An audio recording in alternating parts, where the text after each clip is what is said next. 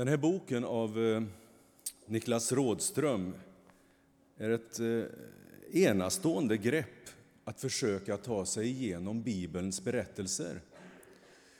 En del tycker att den är bedrövligt tråkig och förstår ingenting.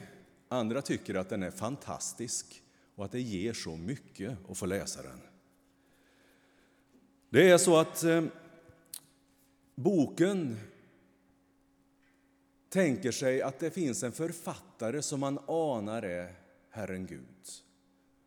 Och berättelsen börjar leva sina egna liv och man ser författarens brottning med det som sker och det som händer. Och eh, I början tänkte jag, vad är det här? Men allt eftersom jag läste in så gjorde det att jag fick också lättare att fundera över bibeltexterna. Så är det att, kan det vara så här?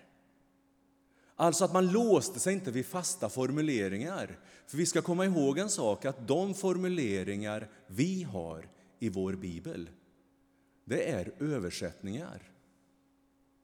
Och väldigt få av oss är så duktiga i gammelhebreiska och i gammelgrekiska att vi kan säga att vi vet exakt hur det borde översättas. Och det väcker ett intresse att få en författare som funderar över texterna.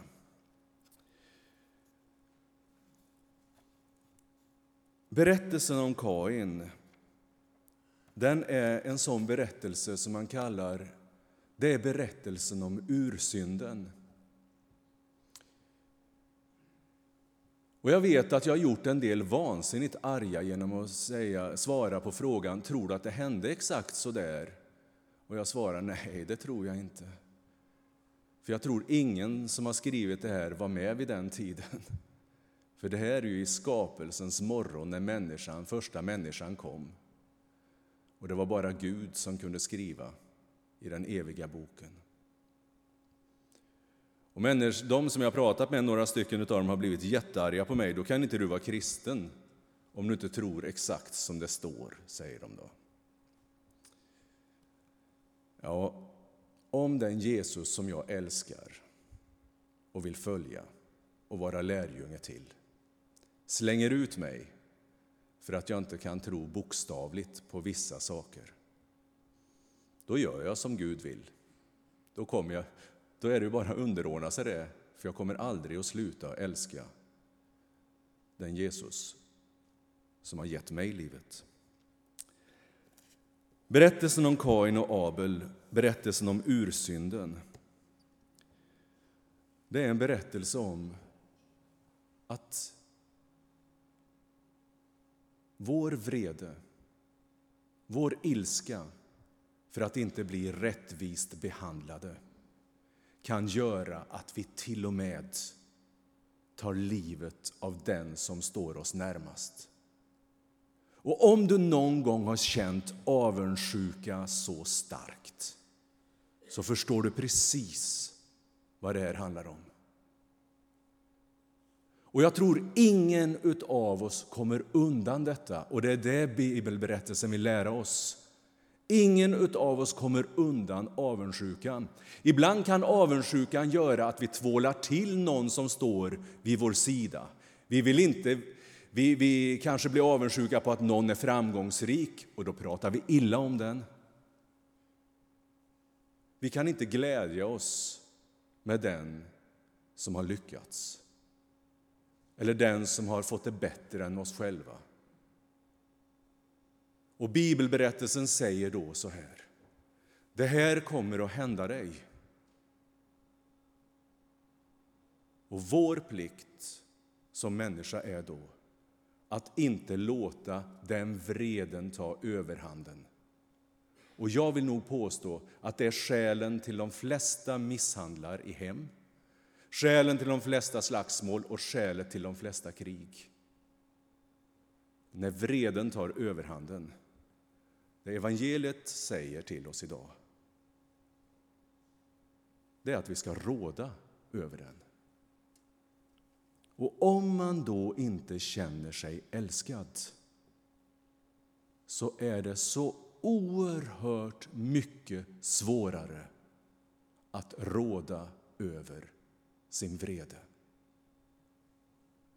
Men den som har fått del av trygghet och kärlek kan också säga till sin medsyster och medbror Vad bra du var idag. Jag är så glad att du är så mycket duktigare än jag.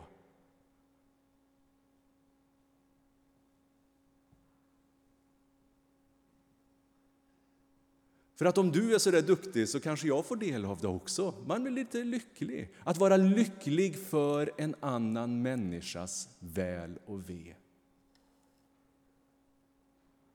Kain, jag är ledsen över att jag inte fick uppleva att jag blev välsignad eller blev glad eller fick bekräftelsen. Jag är ledsen för det, Kain, eh, Abel. Men jag är jätteglad för att du fick det. Kommer vi någon gång att komma dit?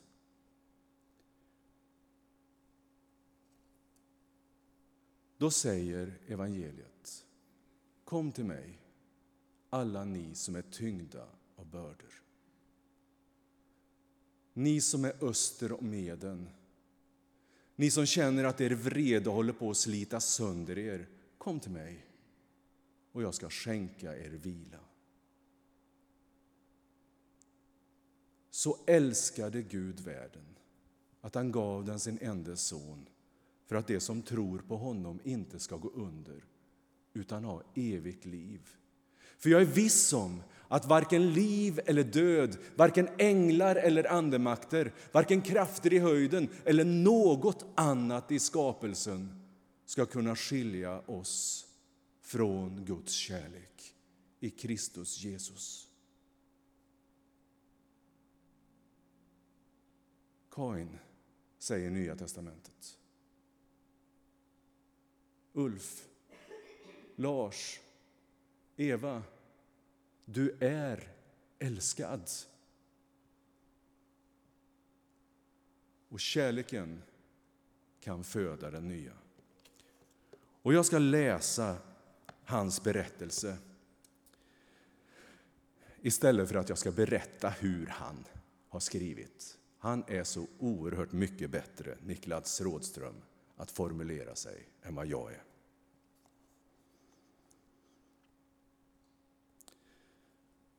Den ängel, han skickade ut tre änglar, den här författaren, för att råda lite rättvisa och ordning i världen. Och en av änglarna är det som står här i början. Där står han och bläddrar i luntan av avtal. Då kommer plötsligt någon rusande ner för bergslänten och stöter till honom så att han är nära att falla och pappren kastas ut över klipphällen.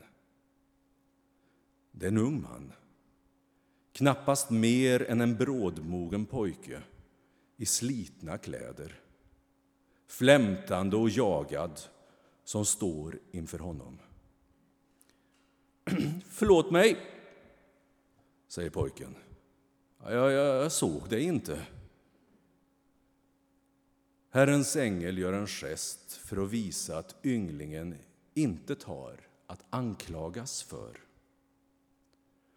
De böjer sig bägge ner och börjar plocka upp alla papper som ligger utspridda. Varför har du så bråttom? Frågar Herrens ängel den unge mannen. Ja, jag måste vidare, börjar pojken säga, men tystnar. Han ser på Herrens ängel. Som undrar han först nu vem denne gestalt med ränsel fylld av nedklottrade ark är. De står och ser på varandra under en himmel där moln sakta dras samman. Ja, jag måste till min jord nu, säger den unge mannen till sist. Jag har mark att sköta och snart är det tid att plöja. Jaha, så du är bonde? undrar Herrens ängel. Ja, säger pojken och försöker ge ängeln några av de papper han har plockat upp på marken. Förlåt mig, men jag måste vidare nu.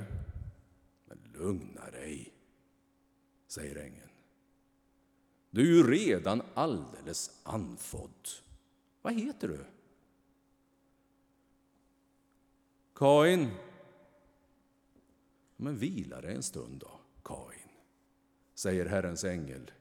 Jorden ligger där den ligger. Ja, kanske det, säger Kain och böjer sig ner efter några fler av arken som ligger på marken. En sån massa papper. Vad är det här? Avtal. Uppgörelser som ska skrivas under, säger Herrens ängel. Världen kommer att behöva ordning och lagar och allt måste bli underskrivet. Det måste till om det ska bli lite mer rättvisa här i världen. Kain stirrar oförstående ner på pappren i sin hand och ängeln kan inte se tecknen över sidorna. De saknar helt mening för honom. Till sist ger han dem ifrån sig och när Herrens ängel ser på dem upptäcker han att de är fläckade av blod. Mörkröda avtryck och utsmetade plumpar från Kains fingrar över papperens baksida. Du blöder, säger ängeln till Kain. Vadå? svarar Kain. Nej, nej, nej. Det här avtalet är alldeles nedblodat, säger ängeln och visar honom.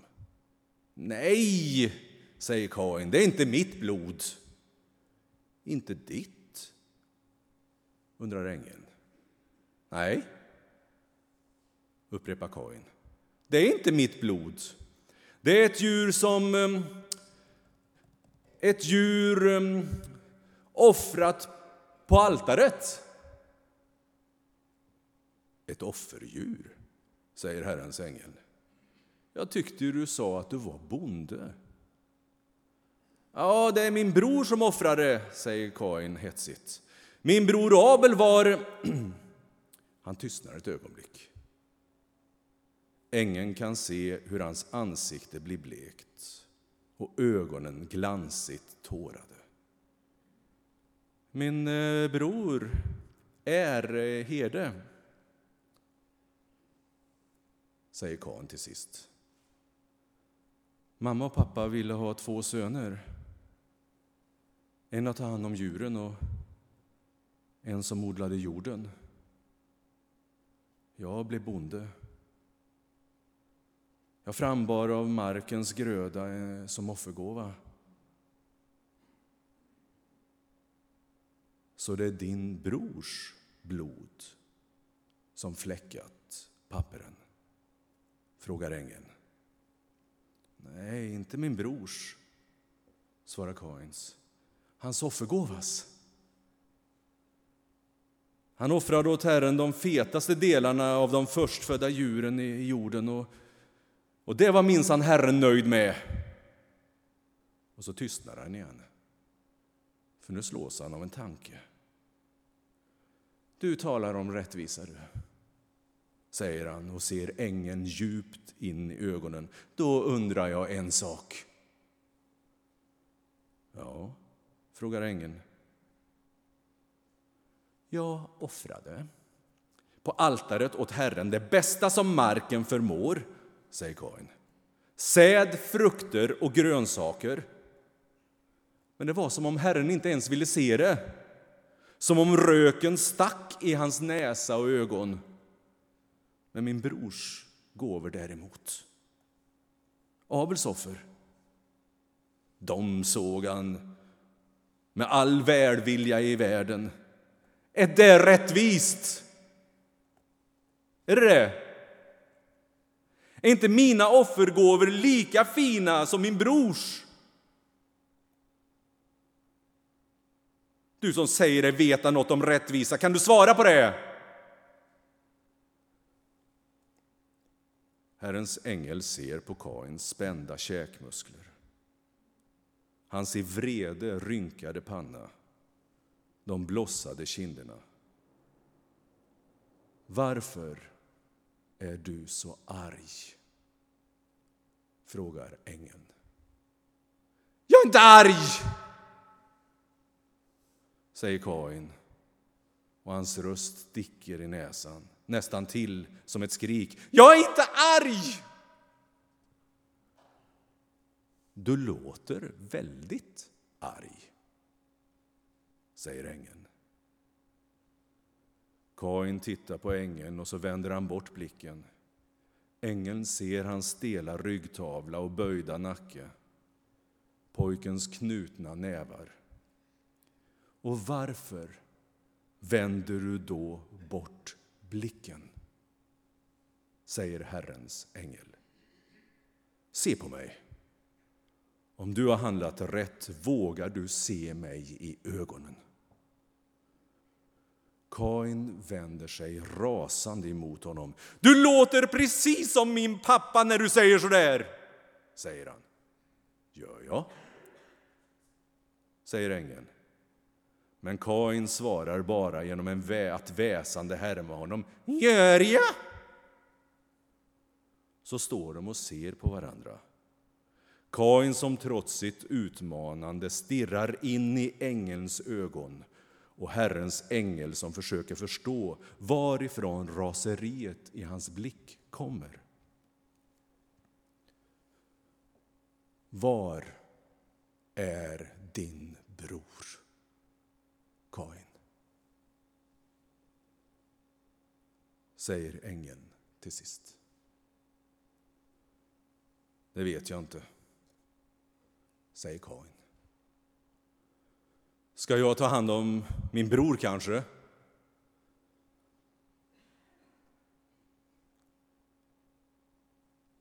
Vad har du gjort?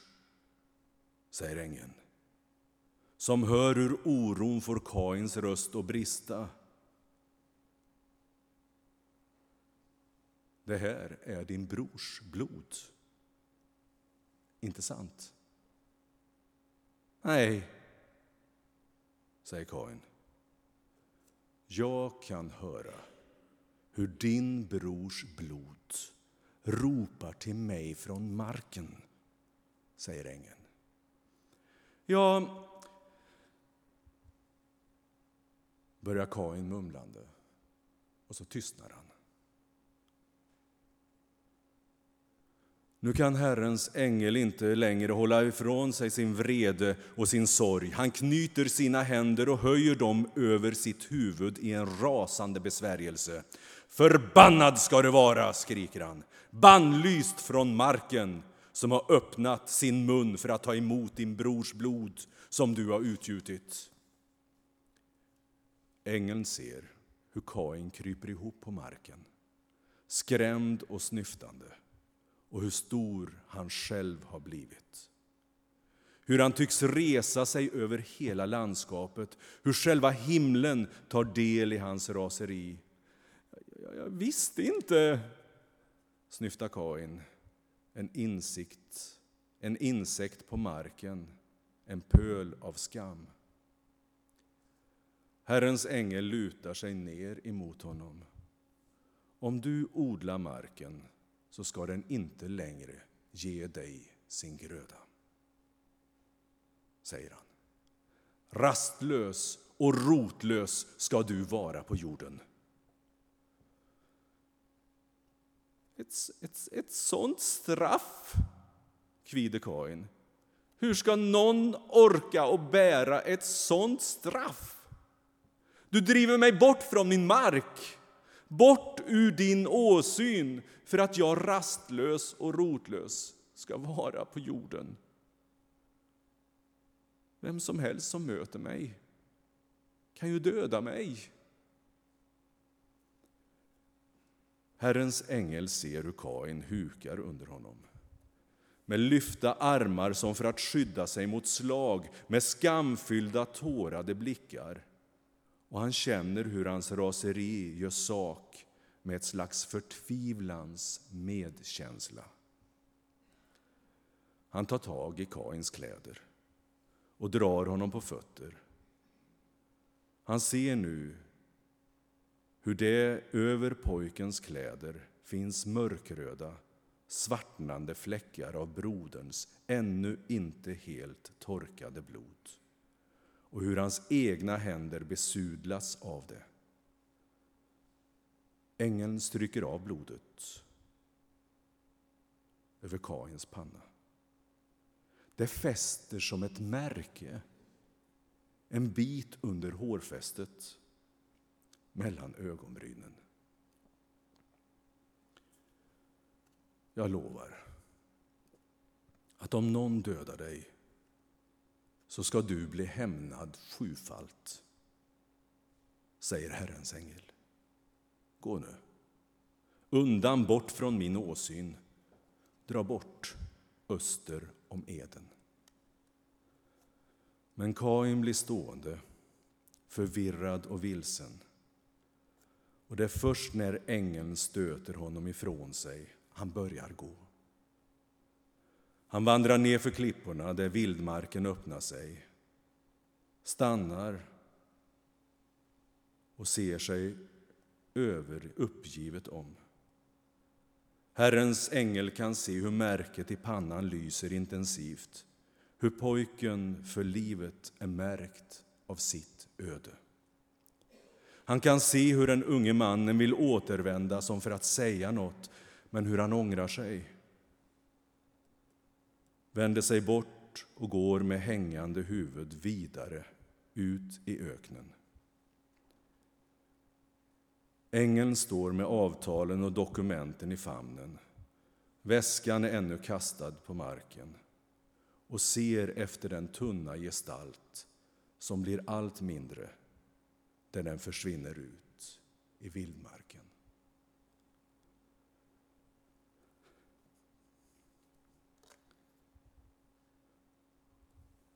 För oss alla som känner att vi har det ödet. Att ingen tycks finnas för mig längre. För Kain och för alla hans avkomlingar kom Jesus. Kom till mig, alla ni som är tyngda av bördor, så ska jag skänka er vila. I Jesu namn. Amen.